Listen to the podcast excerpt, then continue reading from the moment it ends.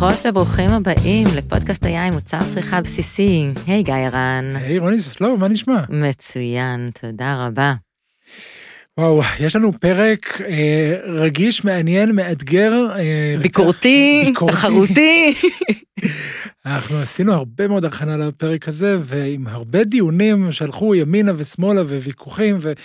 ועד כמה, כמה זה נכון, אנחנו אה, כן יכולים לחלוק איתכם כאן ולהגיד שכשאנחנו מדברים על ביקורת יין, על תחרויות, על פרסים, על, על הנושא של הפרק הזה, הוא מהר מאוד גולש לעוד כל מיני מקומות ולזוויות אחרות, וניסינו, אנחנו משתדלים, ונשתדל איתכם במהלך הפרק הקרוב, אה, לשמור על הנושא הזה, להיכנס ולהתעמק אה, בביקורות יין, בציונים שניתנים ליין, תחרויות שניתנים, אה, שרואים יינות שמתחרים ברחבי העולם, ובלי להיכנס מעבר ולגלוש למקומות שהם כן. אחרים, כמו תערוכות וכן הלאה. כן, בעצם כמו משפך. אנחנו רוצים להסתכל מהמבקר הבודד לתחרויות שזה מקבץ של אנשים שלוקחים מהם את הנתונים ואת הסטטיסטיקות, אל חוכמת ההמונים.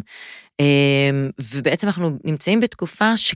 כל שלושת הדברים האלה קיימים ביחד, אבל עדיין בתנועה. ואם נתחיל ובעצם נסתכל על ביקורת היין, שבעולמנו העדכני זה היה בעיקר פופולרי בחמישים שנים האחרונות, בעיקר מרוברט פארקר שהפך את זה למשהו כל כך משמעותי ש, שמשנה עולמות. כן. אה, ברמה של אם פארקר, או היום הצוות שלו היה נותן ציון 100 ליין מסוים, אז היין הזה פשוט היה עולה במחיר ונגמר מהמדפים, לעומת זאת ציון נמוך, הוא היה מקבל, אה, הוא היה נשאר ונתקע איתו. לחלוטין, עד כדי כך ש, שיש ממש תופעה שאנחנו קוראים לה פרקריזציה של יין, אנחנו מדברים על זה שיש אזורים שלמים בעולם, בטח יקבים, שעושים את היין, גם הם אה, יצרני, או יועצי יין שעושים את זה, שמייצרים את היין לטעמו, לטעמם של מבקרי יין משפיעים בעולם.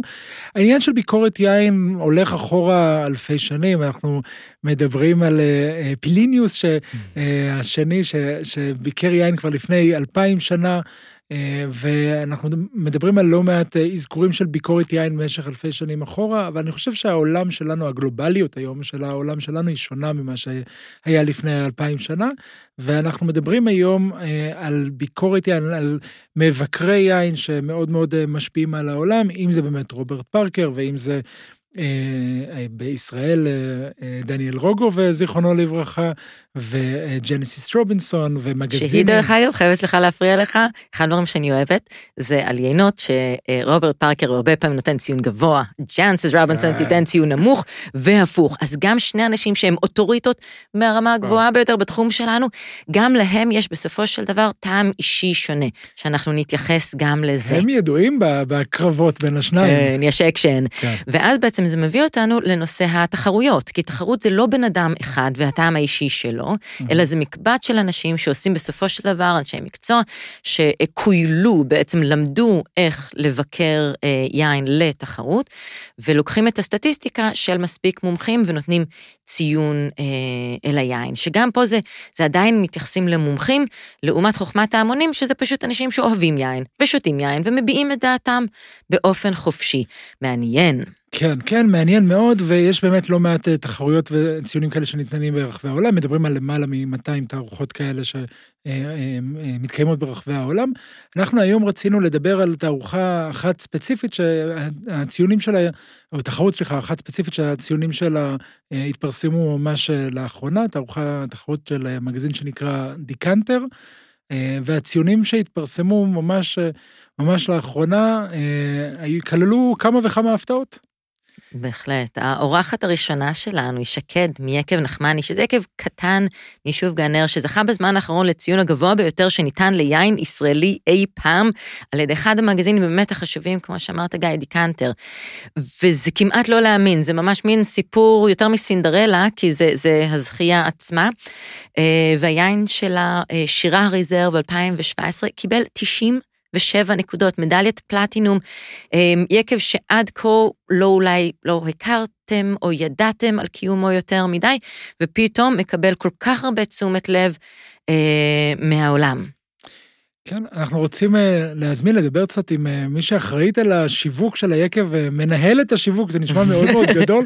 הבת של המשפחה, שקד, שתספר לנו אולי קצת על, על הזכייה הזו ומה שזה עושה ליקב. שלום שקד, ותודה שהצטרפת אלינו. אהלן שקד. איזה כיף, איזה כיף להיות פה. מזל טוב. תודה רבה רבה, הצעה גדולה. איך, איך התחושות באמת אחרי זכייה כזו? אנחנו ממש היינו מופתעים, לא, לא הייתה לנו שום אה, ציפייה, או לא חשבנו שזה מה שיהיה, באמת, אה, אה, יש לנו מרכז אה, מבקרים ככה שהוא מאוד מאוד אה, פעיל ביקב, ותהינו לעצמנו סתם, באמת, אה, איך, ה, איך היין, רצינו באמת לדעת אה, מנקודת מבט מקצועית אה, איך היין שלנו. לא רק שאתם לא אוהבים אותו, אלא לא רק העובדה שאתם אוהבים אותו. והאורחים שלכם אוהבים אותו, אלא באמת מה אנשי מקצוע, בטח בתחרות, שזה גם אנונימי לחלוטין, שזה אחד היתרונות הגדולים של תחרויות.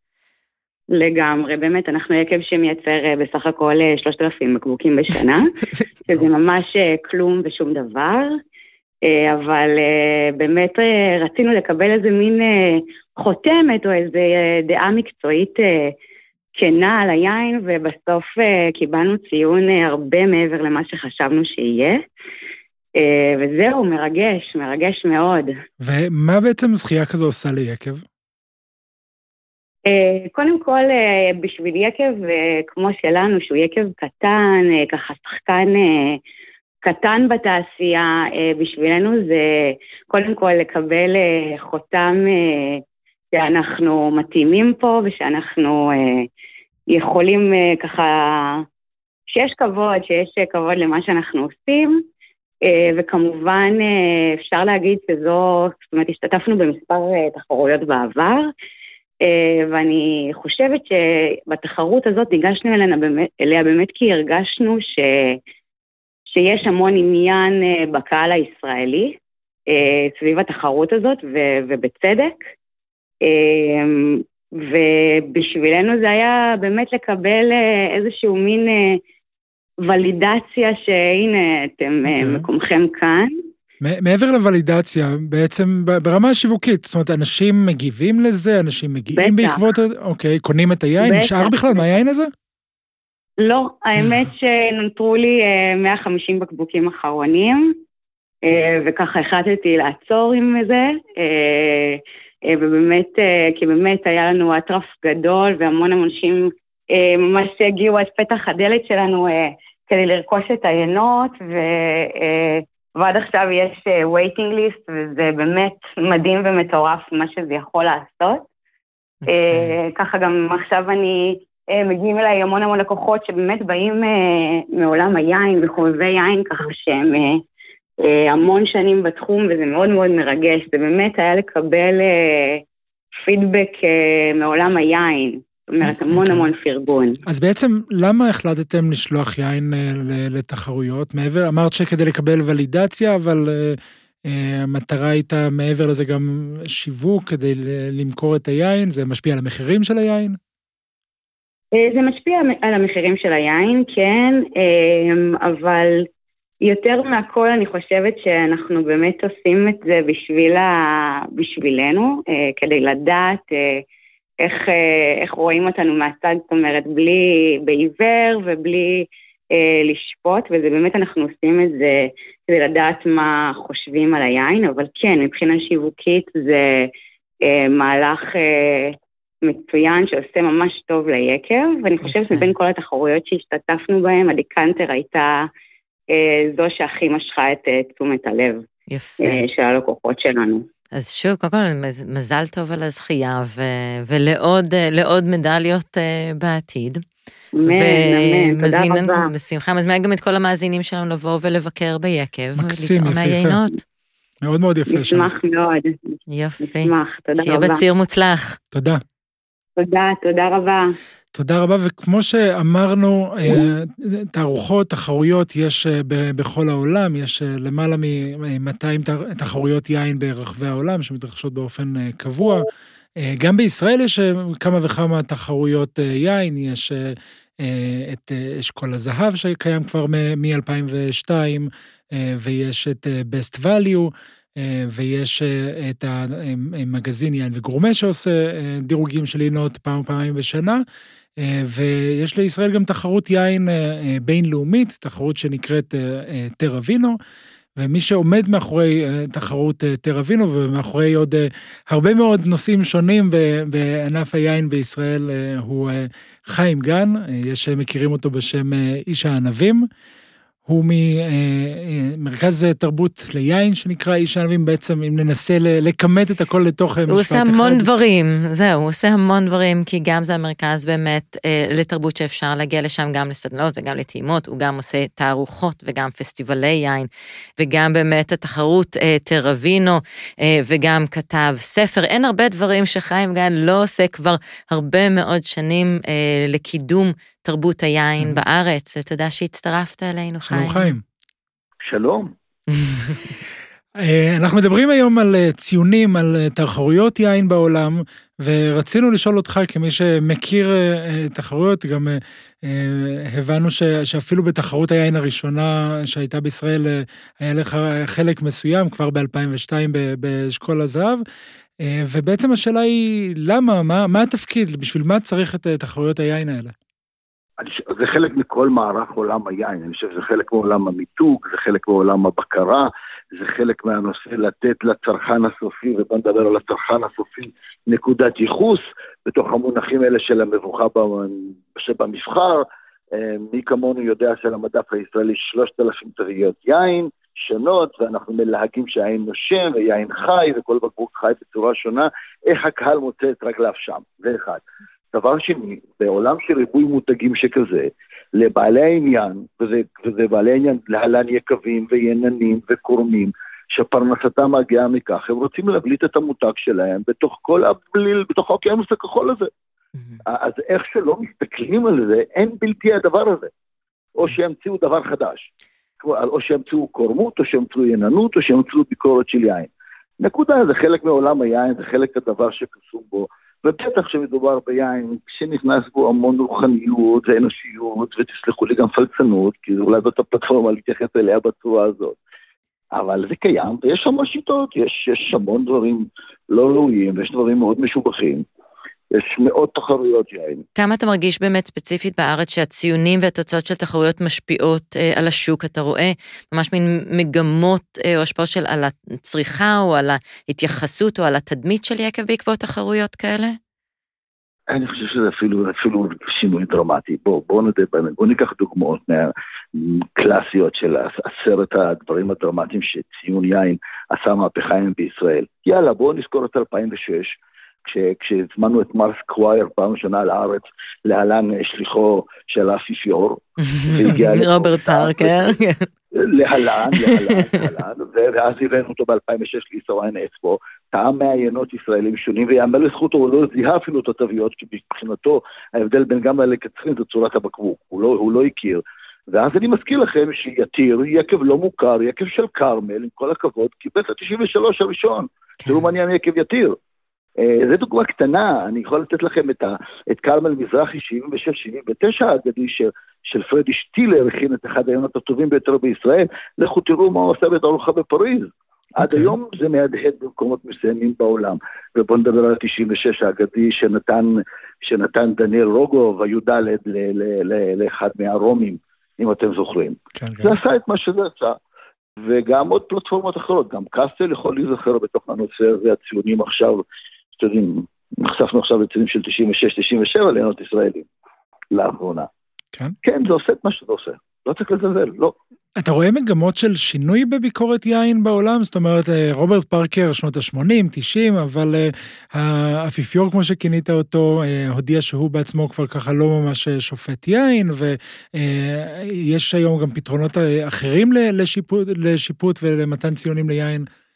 גיא, גיא חברים, זה חלק מהמהפכה הדיגיטלית, זה חלק מחוכמת ההמונים, אנחנו בעידן אחר, כל אחד מאיתנו נהיה, נהיה עיתונאי עם, עם חשיפה אדירה, כולם מבקרי יין, אה, כולם מדברים על יין, אתם רואים את הריבוי של הלעג על יין, זה בסדר, יש רעש וכן הלאה, יש, יש שינוי, יש שינוי, יש שינוי מסוים. אבל תראו, אם תעברו גם אחרי ההיסטוריה, היסודות תמיד יישארו יסודות. כולנו יודעים מי יודע לטעום יין, כולנו יודעים מי לא יודע לטעום יין. you know, בגדול. כל אחד ימצא את המבקר יין שלו עם הזמן הנכון. יקומו מבקרי יין חדשים וקמים חדשים. Mm-hmm. קמים חדשים. והמגוון היום בעולם הוא אדיר, האיכות רק משתפרת בעולם. יש איזה איכות כללית שמשתפרת, אפשר לבטל אותה. אוקיי. Okay. זהו, בהקשר הזה באמת אנשים יודעים יותר ויותר לשפוט יין. אני רוצה גם להכניס איזשהו גילוי נאות אה, חשוב במקום הזה. אה, אני עבדתי אה, באיש הענבים במשך חמש שנים, הדרכתי שם אפילו יותר מזה, ככה שאני מרגיש במידה רבה חלק מה, מהארגון בצורה כזו או אחרת, וכמו עם ירושלים גם, והקיבוץ, גם מאיש הענבים, אפשר להפסיק לעבוד שם, אבל זה עדיין נשאר חלק, חלק ממך. אני יודע שבאיש הענבים יש קורס טעימה שיפוטית, קורס שמלמד אנשים איך לשפוט יין. תוכל לספר לנו קצת בעצם איך לומדים להיות מבקר יין? קודם כל המון אהבה, המון רצון, המון העזה, קצת חוצפה מקומית, לטעום אין ספור של ינות, ללמוד, ללמוד, ללמוד, מאוד דידקטי, אבל בסוף באמת להאמין בחושים ולהתמקד בהם. התרומה שלנו היא צנועה והיא קלה, הקורס הוא בסך הכל 15 שעות, אנחנו לא נתיימר ללמד אותך להיות שופט יין, אבל ניתן לך את הכלים היסודיים החשובים שבעטיין שאתה תצא לטעום יין, תטעם יין בצורה קרה, אנליטית, ולאט לאט נלמד אותך לנתק את הטעם האישי שלך ולהסתכל על זה כיין. ועל ציר הזמן, אתה יודע, כל מי שלמד יין מגלה, מגלה את האור שם. איך באמת נראית תחרות יין? ספר לנו קצת על מאחורי הקלעים. תמיד מאחורי הקלעים זה נראה כאילו כאוטי, אבל כל הקוביות בסוף נופלות בצורה נכונה ומקצועית. יש המון תחרויות יין או, או פלטפורמות שונות או פרוטוקולים שונים לתחרויות יין, אנחנו עובדים על פי הפרוטוקול של ה-OIV. ארגון הגפן והיין הבינלאומי? בדיוק, בהזדמנות נרחיב על החשיבות שלו ואיזה טופס, אני חושב שגם גיא שנים גם עבד ונחשף איתו פשוט פלטפורמות טובות, אנחנו עובדים על פי הפלטפורמה הזאת, שניסיוננו היא יודעת לסנן ולנטרל את האנשים. למשל, כל יין נטעם בתוך ועדה של בין חמישה לשבעה שופטים, שהם לא מקבלים שום נתון על היין פרט לאחוז האלכוהול, סוכר שיעורי ושנת בציר. זהו. ששת השופטים או שבעת השופטים שטעמים את היין, טענו אותו בנפרד, בטופס עם 20 פרמטרים שונים. הם חותמים על התוצאה שלהם, מעבירים אותו ליושב ראש. משם הבדיקה של היושב ראש שהכל תקין עובר לשולחן הנשיאות. בשולחן הנשיאות כל הנתונים של כל אחד מהטפסים נכנסים לתוכנה ואנחנו מגלים יש סטייה. זאת אומרת שכל עוד שהציון של שבעה שופטים שונים לא הסטה מארבע נקודות למעלה או למטה, הציון מתקבל. במידה ולא, יש טעימה חוזרת, או שמורידים את הימים מהתחתון. אומרת שיש שישה, שבעה אנשים מקצועיים שיודעים את ומנתחים את הציון על פי, על פי דעתם. מה באמת הפרמטרים ש, שבוחנים, ו, ומה הקשר הישיר או עקיף שלהם לאיכות היין? שאלה, שאלה טובה, רק דו, דווקא בגלל הפרמטר הזניח ביותר, וניקח אותו לדוגמה בעידן המודרני. למשל בתחרויות יין מאז ומעולם הדפוסים נתנו ערך מוגזם, לדעתי ולדעת אחרים, לצבע של היין. Mm-hmm. למשל היום, לפני שאנחנו עושים טעימת קליברציה, או טעימת קיול, אנחנו גם מקיילים את האנשים, וזה בהזדמנות אחרת, אנחנו מסתכלים להם בלבן בעיניים ואומרים להם לא להתייחס לצבע של היין. לא להתייחס, אנחנו בעידן אחר, זה לא משנה לכם אם הוא כתום, חום, או ערפילי, או דלוח, או מה שלא יהיה, כי אתם לא יודעים שום דבר, הוא אנפילטר, לא אנפילטר, הוא בטיסה חמה, קרה, על השמרים, לא משנה. כשנגיע לדברים המשמעותיים כמו ריח וטעם וטעמים שיורים, נדע לשפוט אותם. זה לגבי בצבע. בצבע מחולק לכמה קטגוריות, זה לא הזמן. בריח, יש את הריכוזיות, יש את העוצמה, יש את המכלול, יש את הפגמים. לכל פרמטר יש פרמטר. ואגב, ואגב, אני אומר את זה באמת לכולם, שנה בתור אחד שרואה עשרות תחרויות יין וניהל אותם וראה את כל הנתונים וכל התוצאות של כולם, ואגב, זה, זה פשוט מתנה, אני מגלה שמאוד קל לשפוט 80-85% מכל העיינות, הם קלאסיים, הם תמיד mm-hmm. נופלים לכסף, כסף גבוה, טובים, איכותיים וכן הלאה. הבעיה מתחילה בעשרה עיינות תמיד בעייתיים. בואו, בעייתיים חבר'ה, בעיות, אתה רואה שכל הוועדה, שישה, שבעה אנשים, וגיא, ישבת בוועדות האלה וראית. כן. כשהיה בעיה של חומצה נדיפה או, או דברים קלים או אחרים כאלה, היה גם קונטנזוס, עם ציונים משפילים של 40 ו-80 ו-72. והכל בטעימה עיוורת וכן הלאה. אה, אז הלא טובים אנחנו מגלים אותם, עוד קושי זה המצוינים. Mm. המצוינים זה כל העיינות שמבחינתנו מגיעים לציון 90. אם אתם מעניין אתכם כמה חשוב טעימה עיוורת ולא טעימה גלויה, היין הטוב ביותר שזכה בתל אביב, הוא קיבל ציון 93. אוקיי. אני עוד לא נחשפתי, חוץ מיונות קינוח, ובוא נוציא אותם מהמשוואה, אתה יודע, גיא, תמיד יונות קינוח ייקחו את ה-94, אבל לא בצדק, 5. אבל 93 זה יין אני יודע ש, שבתחרות הזו באמת מגיעים שופטים מכל העולם, ו, ובמקומות שונים בעולם יש אה, פרמטרים שונים, או משקל שונה לפרמטרים שונים ביין. עד כמה באמת אה, אה, רואים הבדל בין שופט אה, או מבקר יין צרפתי מול איטלקי, מול אמריקאי, אוסטרלי? כשהוא טועם יין ישראלי נגיד, והוא לא בהכרח מכיר. נכון, הוא יכול לטעום יין ישראלי או אמריקאי, אבל זה פחות הדיון. הבעיה זה סגנון, אסכולות או דרך שונה, הן תרבויות אחרות. מה שאנחנו עושים בתחרות, אנחנו עושים קליברציה, או קיול או מיסנבוש. אנחנו, כל העולם, יש לנו חמש-שש ועדות, ארבעים שופטים מהארץ ובעולם, נותנים להם טעימה אחת לכולם אותו יין, מבקשים מכל ועדה לקהל את התוצאה שלהם, להביע את עצמם בפורום מול כולם, ואז אנחנו חושפים את הבקבוק ואומרים מה טעמנו, מה לא טעמנו, מי נתן שתי נקודות יותר נמוך, מי נתן שתי נקודות יותר גבוה. saying that. גילוי נאות, הכי אמיתי ושקיפות מלאה, לא, לא הייתה תחרות אחת שניהלתי שהיום הראשון וה, והפלייט הראשון עבר בסדר. Mm. אוקיי? כי מה היה? כל יום הוא שלושה... זה קשה, זה קל, זה, אנחנו רואים אה, הבדלים גדולים בתוך הוועדות. זאת אומרת, מתחילים את היום הראשון עד שמתקהלים, העשרה עיינות הראשונים, אתה רואה שמקבלים בין 78 ל-89. אז הטעימה חוזרת. Mm. עד שמתקיימים, עד שאנשים מבינים, את כל אחד, מי שרגיש, מי שאסטניסט או לא אסטניסט, מי שעדיין מגיע מעולמות ישנים, וטיפונת בעיות קלות כמו ברט הוא חינני בשבילו או לא בשבילו, אנחנו צריכים להתקייל. ועוד דבר חשוב, כל מי שנותן ציון פחות מ-80-82, חייב להביע במילים את הבעיה. Okay. אוקיי. זה לא נגמר שם. Okay. כן. אתה חייב להביע, אם אתה כבר, אם אתה כבר מבקר, עם כל הכבוד, המטרה היא להעביר את התוצאות לייננים. אל תשכחו שכל ינן וכל יין שנשלח לתחרות, יש שבעה טפסים מלאים על ידי שבעה אנשים שונים, שלבעל העניין יש זכות מלאה לבוא ולראות אותם, זה ללמוד מהם. תגיד, עוד שאלה שמעניינת, יצא לכם ש... שהיו זיופים? שקיבלתם... אה, די, מה, אה, אתה יודע מה, אנדי, אתה יודע, אז יצאת הפלטפורמה לדבר על הכל. בוא אני אחלוק איתכם משהו מדליק.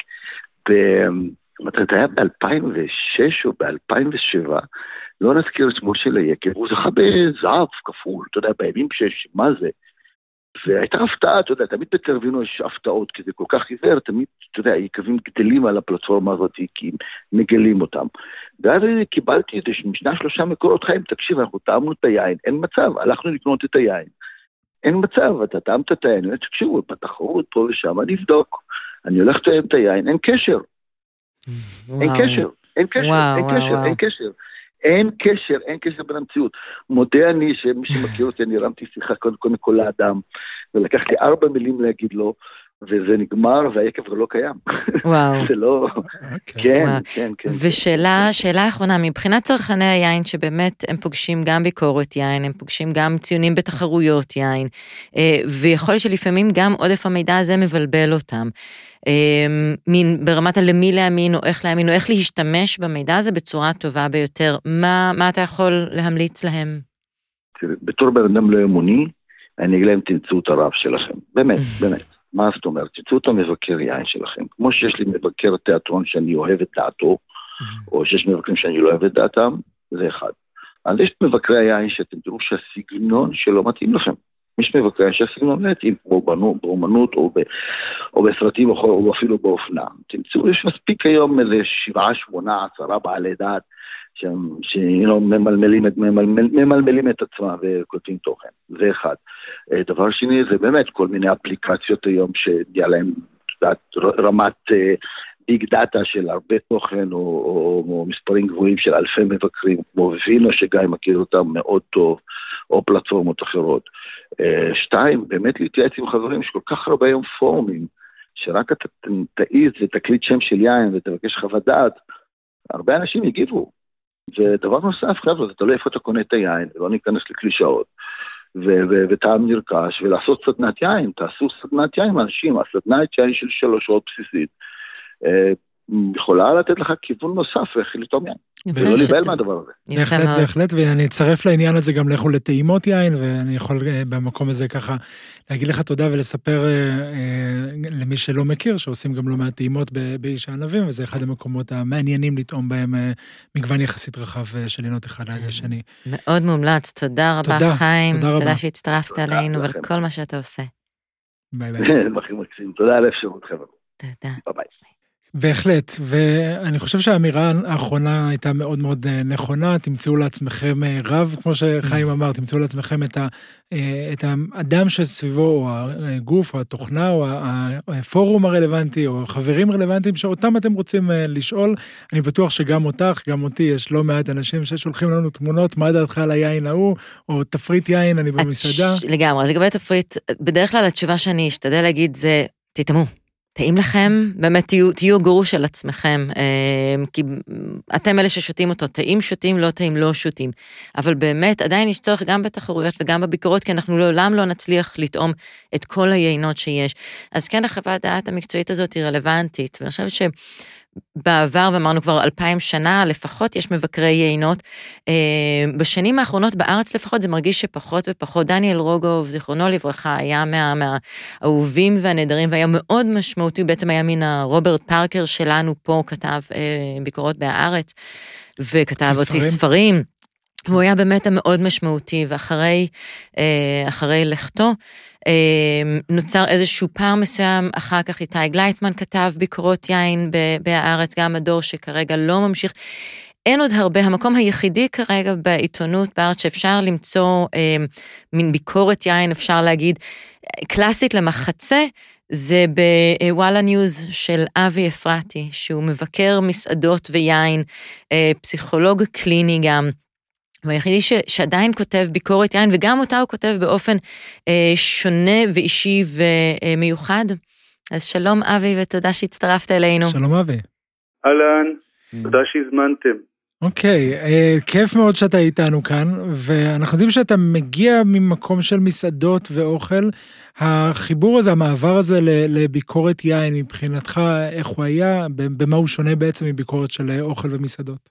קודם כל, אני, זה לא היה מעבר מביקורת מסעדות ליין, אה, תמיד היה מסעדות ויין, אוקיי. כן?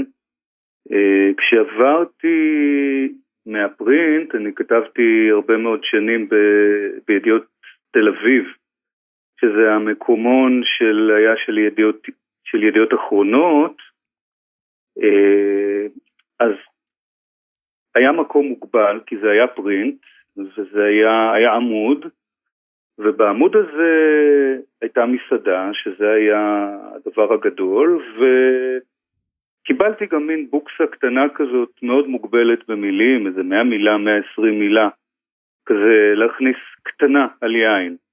אז זה היה תמיד. אה, לפני 11 שנה, כשעברתי לוואלה, שזו פלטפורמה אינטרנטית, נפתח הרבה מקום, ואז אפשר היה להעמיד ממש מדור של יין. שהוא נפרד, הוא מבודל, אה, הוא עולה ביום אחר, וגם מרחב המילים הוא אחר. ואז זה קיבל נפח, זה לא היה לתת איזושהי מילה על איזה בקבוק מעניין או משהו, אלא זה הפך להיות אה, מדור מסודר, שמתייחס ליקבים ישראלים, יקבים מחו"ל, איך אתה, וכך הלאה. איך אתה רואה בעצם את התפקיד שלך בתור מבקר יינות? טוב, אפשר לדבר על זה בכל מיני רמות, אבל אה, אם אני אנסה לתמצת את זה, אז אני חושב, יש, מתקיים עולם היין הישראלי, ויש בו ייננים, ויש בו אה, קורמים, ויש בו בעלי יקבים ויבואנים, אה, ויש איזושהי קבוצה של חובבי יין, נגיד יותר יודעת, יותר מכירה, יותר מבינה. זה מעגל שבסופו של דבר, איך שלא נסתכל עליו, כמה שהשוק לא גדל ומתפתח, זה עדיין מעגל קטן, כן? כן. ואני כמי שכותב בפלטפורמה שהיא רחבה והיא מיועדת לקהל רחב, ברור שהברנג'ה קורית ומתייחסת, אבל זה המובן מאליו. התפקיד שלי והשליחות שלי זה להגיע לקהל הרבה יותר רחב. ואיך אתה לקהל מנגיש? שמבין בצורה מסוימת, או לקהל שמבין אפילו פחות, ובמובן הזה אני מתייחס לביקורת שלי כאיזה סוג של, אני כאילו מדיאטור, מין מתווך כזה, שכותב להרבה אנשים ומנסה להעביר להם את הדברים הטובים והנכונים והמעניינים בעיניי. כן. עכשיו זה אומר, למשל, יש uh, שפת יין, כל עולם תוכן יש את המושגים שלו, וגם לעולם היין יש את המושגים שלו, והם מבינים אותם, אולי, אני לא יודע להגיד כמה, במספר באנשים, אבל לא המון אנשים. ולכתוב בשפה שהיא נטו מושגי יין, uh, זה לאבד את רוב הקוראים. כן. ולכן אני באמת רואה את תפקידי ואת שליחותי לדבר לקהל כמה שיותר רחב בשפה שהוא יבין. אה, כי אם אני אכתוב לו ברט או בוטריטיס, מה זה יעזור לו? כן. אני אאבד אותו. כולנו נאבד אותו, ענף היין יאבד את הקורא. שזה בעצם. מעניין מה שאתה אומר, כי מצד אחד ענף היין הוא ענף מקצועי לכל דבר, ויש לו גם את המונחים המקצועיים שלו, אבל בעצם הוא פונה לאנשים, אה, לקהל הרחב, שזה לא המקצוע שלהם, ואין שום סיבה בעולם גם שהם יכירו. את אה, המונחים האלה, והמונחים האלה הם אלה שעלולים להרחיק בעצם בין המוצר, בין היין שהם פשוט ייהנו ממנו, לתחושה שאולי מתנסים מעליהם, אה, או משהו שהוא מאיים עליהם כי הם לא מבינים אותו. לחלוטין. השיח על יין, אה, כשיושבים אנשים שמכירים מושגי יין אה, ואת שפת היין המקצועית ומדברים, תשימי מעגל כזה של אנשים שינהלו שיחה חביבה, מקצועית יחסית על יין, ותביאי אה, 100 איש מבחוץ, לא לגמרי מהרחוב. 100 איש אינטליגנטים ששתו טיפה יין בחיים שלהם, הם הסתכלו על האנשים האלה כמו על פסיכים, כי הם לא הבינו אף מילה. כן. ונורא בקלות, אני, אני חושב שיש, מתקיים נתק מאוד uh, משמעותי בין הקהל הרחב, שרוצה לשתות יין וחלקו גם רוצה להבין ולדעת יותר, לבין מי שמספק לו את הדברים האלה. עכשיו, אני רואה את עצמי, זאת אומרת, אני מבקר יין, אבל אני עיתונאי. זאת אומרת, עיתונאי אה, מדבר לקהל וצריך לעשות את זה בצורה קומוניקטיבית ובהירה אה, ושתגרום לאנשים שלא מבינים את המושגים האלה כן לרצות להתחבר ולהבין. זאת אומרת, התפקיד okay. שלי, אם שאלת אותי קודם, עניתי תשובה ארוכה לשאלה קצרה, זה לעזור לחבר את הקהל הרחב שלא מבין יין לעולם היין המאוד מקצועי שהדיבור בו הוא כן. גבוה. אם אתה מדבר גבוה, אה, לא קוראים אותך. אוקיי, ובעצם כשאתה כותב, ויצא לנו לקרוא לא מעט מה, מהמדורים, ומתרכז כל פעם בנושא או ביקב, אז יש איזשהו מבנה יחסית בדרך כלל קבוע של, ה, של הביקורת, ואתה מדבר על, ה, על המחיר והתאמה של יין לאוכל, שזה בסוף מה שמעניין אותנו, ואיזושהי תמצית של היין, כל זה באמת, כמו שאמרת, כדי בצורה פשוטה להסביר. אתה גם מדבר על תמורה לכסף. איך קובעים תמורה לכסף ליין? קודם כל אני רוצה, אני רוצה להשלים עוד איזה משהו לגבי השאלה הקודמת.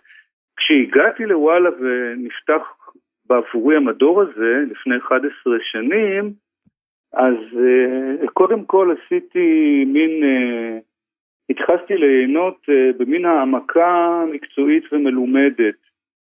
קלטתי שלא, שהיו לזה מעט מאוד כניסות באינטרנט, אתם יודעים, אנחנו יכולים ממש לדעת כמה אנשים קוראים אותנו. ולא, והייתה לזה היענות מועטה, וברגע שפרמטתי את המדור לתצורה שלו כמו שהיא היום, שהיא יותר קצרה, שיש בה מקום להתייחסות פעם מקצועית, אבל שיש בה את כל הפאנצ'ליינים הקיימים, הקריאה, הכניסות, קפצו בצורה דרמטית. אז זה עוד משהו לגבי מה ששאלתם קודם. עכשיו, איך אני קובע התאמה אה, של ערך לכסף, אתה מתכוון? תמורה לכסף? כן.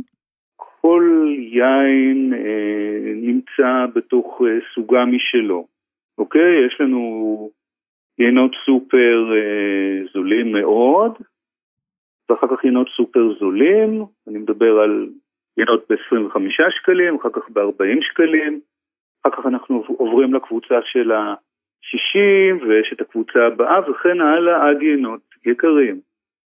וכל יין אמור לספק סוג מסוים של תמורה, כן? אה, אז אם אנחנו חושבים אה, על יינות, נתחיל מזה שאם אנחנו הולכים ליינות היקרים ממש, אני לא חושב שיש ייין דגל אחד של היקבים הישראלים שמצדיק את תמחורו. אה, בקצת שיחות עם נגיד אנשים שעושים את היין, אז אלה מביניהם שמרשים לעצמם להיות יותר כנים, אה, מודים בזה. יקבים צריכים להחזיק יינות דגל והם צריכים להיות יקרים. למה ככה? גם יש הרבה יינות דגל אחרים, עוד יותר יקרים, שמגיעים מחו"ל וגם הם לא לגמרי מצדיקים, אבל הם יינות דגל, אז ככה זה. עכשיו, אה, אנחנו צריכים, אני מנסה לחשוב במונחים כמו יינות יום-יום כשמזמינים פיצה, אה, יינות אה, ארוחת ערב משפחתית ביום שישי, יינות אה, ארוחה שמזמינים חברים הביתה ומשקיעים קצת יותר, יינות שלוקחים לפיקניק, יינות במסעדה. Okay. אוקיי. כל, ואני בטח הייתי יכול לייצר עוד כמה קטגוריות, אבל כל אחת מהן נמדד במונחים האלה. עכשיו, ברור שיש פה גם אה, משהו יחסית סובייקטיבי, כי יש אנשים ש-70 שקל זה בסדר בשבילם לפתוח בערב בבית, ויש אנשים שבערב בבית אה, מחפשים אה, לפתוח ינות ב-30 שקלים. כן, כן, כן. כן. עכשיו, עוד שאלה שככה מאוד מעניינת אותי, מתפקידך, מכיסאך הרם כמבקר, בסופו של דבר, מבחינת יבקים, אני, עם יקבים, אני בטוח שחלקם אה, ביראת אה, קודש אה, שולחים את העיינות, מצפים לחוות הדעת, זה משפיע על מכירות. עד כמה בעצם, איך אתה תופס את המקום הזה, את המשקל שנמצא על הכתפיים שלך כמבקר יין בהשפעה על השוק, על צרכני היין, ואני ככה לרגע עושה הקבלה למבקרים בעולם. רוברט פארקר שינה אזורי יין שלמים בעולם, ויש לו השפעה מאוד, הייתה לו השפעה מאוד מאוד גדולה על, על אזורי יין שהוא המליך והפיל. איך אתה בעצם מתייחס למשקל הזה שיושב לך על הכתפיים? קודם כל אני לא אוהב משקל על הכתפיים.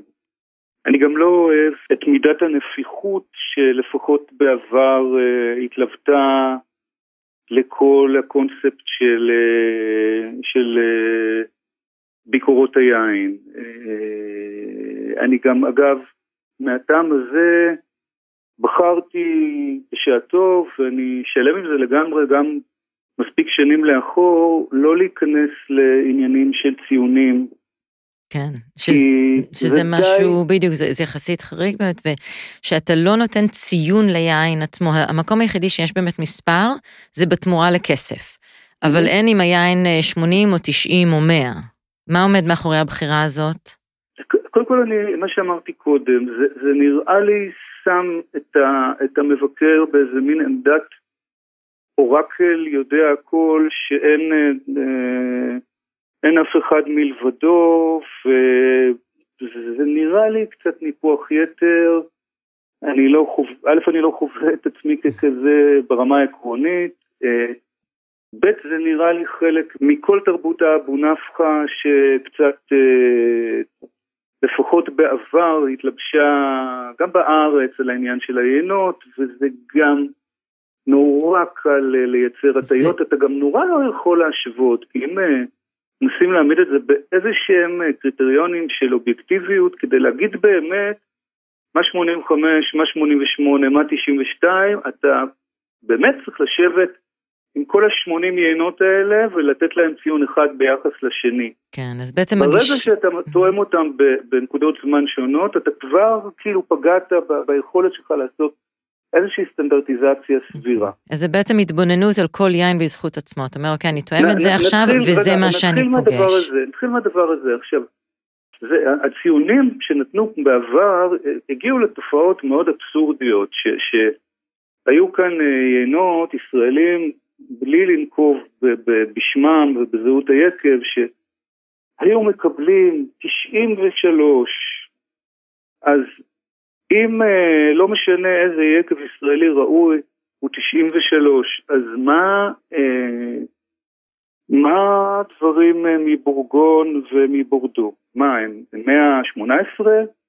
ובאמת, אם אפשר לתת, כי החוויה יכולה להיות גם מאוד שונה, יכול להיות שגם יין של אה, מבורדו גדול מאוד, יקר מאוד, לא בהכרח יתאים בסגנון שלו ובאופי שלו לכל אחד. לא לכל אחד הוא יחווה יותר, בצורה יותר נעימה, יותר מעניינת, יותר טעימה, יותר כיפית, מאשר אולי יין אחר. בגלל זה אני חייבת להגיד, אני כן מאוד אוהבת את, את הגישה שלך, שהיא אומרת, אני מספר במה שפגשתי, בסגנון שלו, בקצת מידע עליו, בכמה הוא עולה, בלמה הוא מתאים, אמ, ולא בהכרח לתת לו מספר שאחר כך יהיה אפשר להשוות בין אחד לאחר. אני נותן לכם את המידע, אחר כך תעשו עם זה מה שאתם רוצים.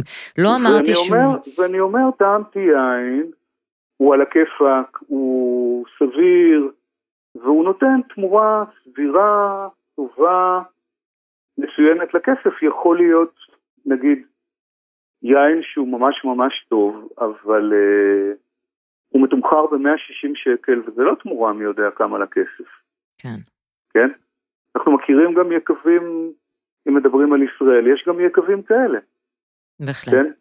עושים יופי של יינות, אה, התמחור קצת, אה, קצת מופרך, יש יותר מדי יקבים כאלה, אז אני, אני ממש ככה קיבלתי איזה מין החלטה כזאת, ולאורך הדרך מדי פעם יצא לי ככה להרהר בה, וכל פעם אני עוד יותר משוכנע שלי ככה נכון. כן, יפה מאוד. יופי, אז, אז אבי, המבקר היינות האחרון בישראל.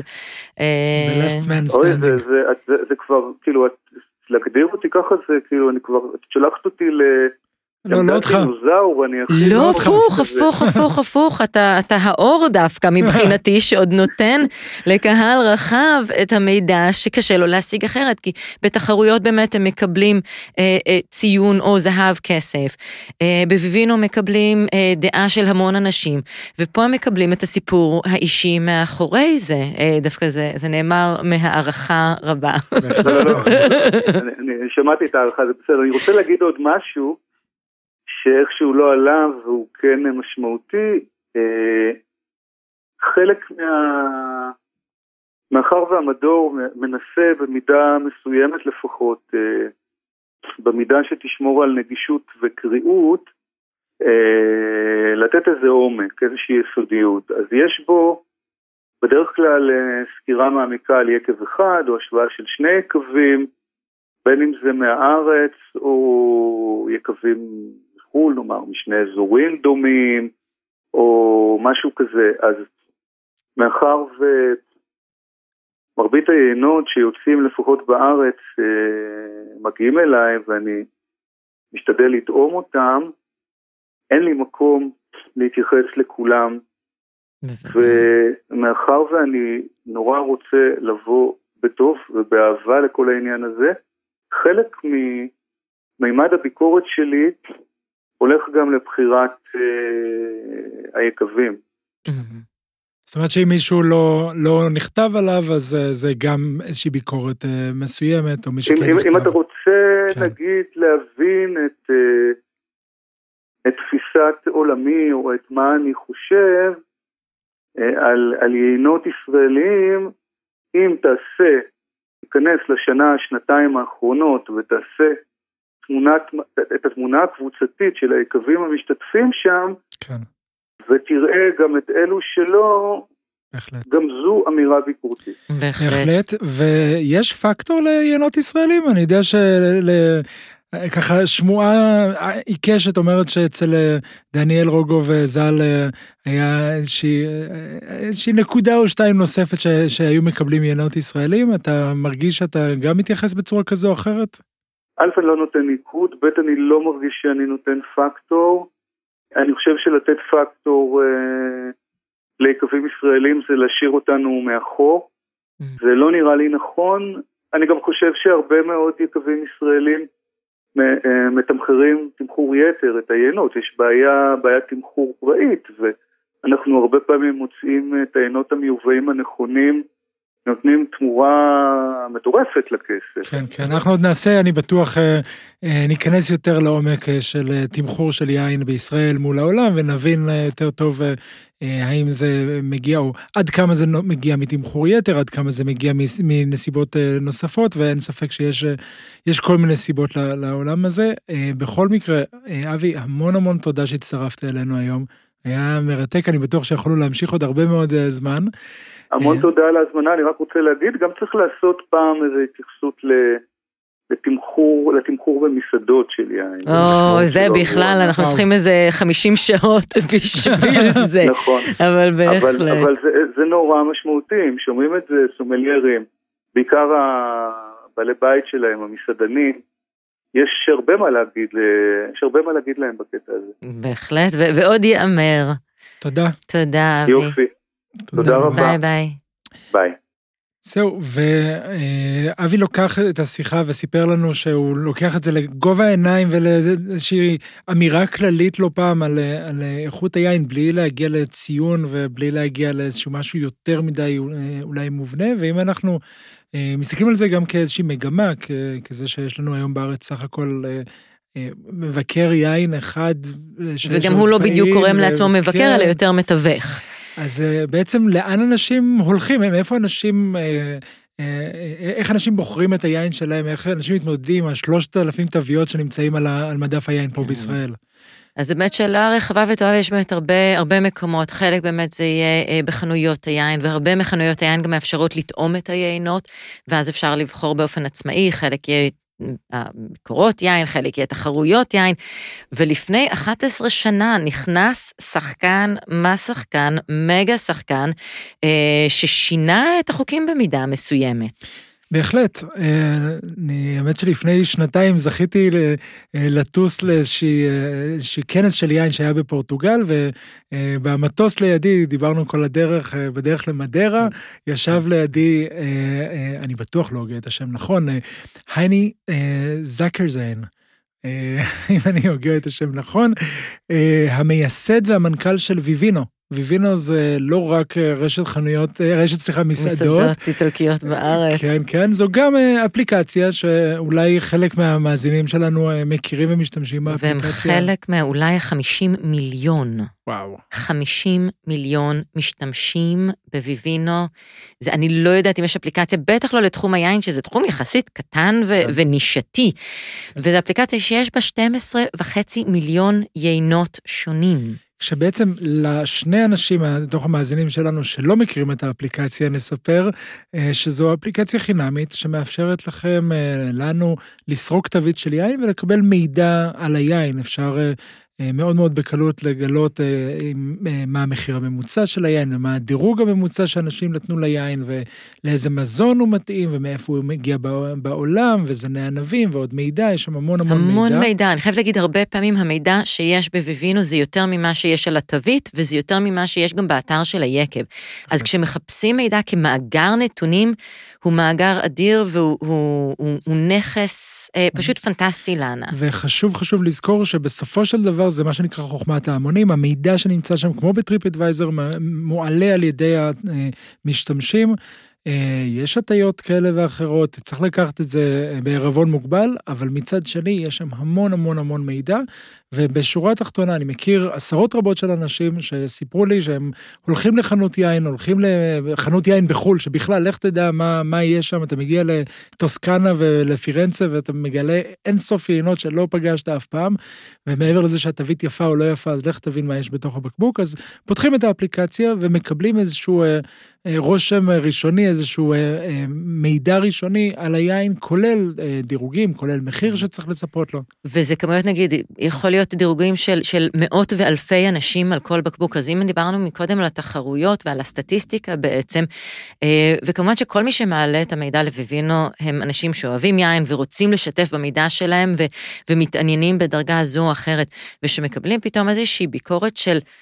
700 אנשים, של 3,000 אנשים, זה נותן מידע מסוים רחב יותר. זה לא בהכרח יהיה כמובן הבקבוק שהכי תאהבו, אבל זה כן ייתן הרבה מאוד מידע, גם באמת על ה-value for money, על התמורה לכסף שזה נותן, ואולי על הסגנון של זה, ואולי על האופי של זה, שכשתקראו את הביקורות שלהם, תוכלו מתוך זה להבין אם אתם באופן אישי תאהבו את זה או לא תאהבו את זה. אני חושב שזה גם מקום לאולי טיפה גישה ביקורתית בהקשר של ויבינו, מכיוון שזו אפליקציה חינמית ובסופו של דבר, אם אתם לא משלמים על המוצר, אתם המוצר בעצמ, בעצמכם. ודיברנו על השפעה של מבקרי יין על הטעם העולמי ועל ייצור יין או יבוא יין מסוגים כאלה ואחרים, אז גם ויבינו משמשת בסופו של דבר כמקור מידע מאוד מאוד משמעותי ליבואנים, ליצרנים של יין, ו... אני לא מכיר עוד מחקרים מספיק מעמיקים על זה, אבל אני בטוח שהיא מטה את שוק היין העולמי. בטוח, יש לזה השפעה אדירה. קודם כל, אין, אה, ויבינו זה המחקר יין הגדול ביותר בעולם שנעשה. הם אוספים כמויות מידע אדירות, ואחר כך כן, הם מוכרים את המידע הזה. הם מוכרים את המידע הזה, באמת, כמו שאמרת, למשווקים וליבואנים ולספקים וליקבים, בעצם למי שירצה לקנות את המידע הזה, ויכולים אחר כך להשתמש בזה ולהבין מין מה ההמון רוצה, איזה יינות לייצר, אולי אולי איזה תוויות, או איזה סגנון, או המון דברים. אז זה מצד אחד מפחיד תמיד שמשתמשים בנו כמקור מידע, מצד שני, אפשר להגיד, אוקיי, המידע הזה אולי ישרת גם לספק להמונים יותר את היין שהם רוצים, זו שאלה ש... ש... נשאל את עצמנו תמיד, האם זה יותר נוח או יותר מפחיד. זהו, אז אנחנו נשאיר את השאלה הזו פתוחה, חשוב היה לנו לדבר ולהזכיר גם אותה. ונשמח ו... לשמוע את דעתכם. נשמח לשמוע מה אתם חושבים, ונשמח לשמוע שאלות נוספות שאולי לא, לא הגענו לדון בהן כאן היום. מוזמנים להעלות אותן לפורום היין שלנו, מוצר צריכה בסיסי, בפייסבוק, להעלות לשם אה, בקשות נוספות, תהיות נוספות, גם על אה, דברים שברומו של אה, עולם מעבר לזה, ואנחנו נשמח לנסות ולענות ולשתף. אז תודה לכם שהאזנתם לנו. תודה, תודה, תודה רוני ססלוב. תודה גיא הרן, וניפגש בקרוב לחיים טובים. ביי ביי.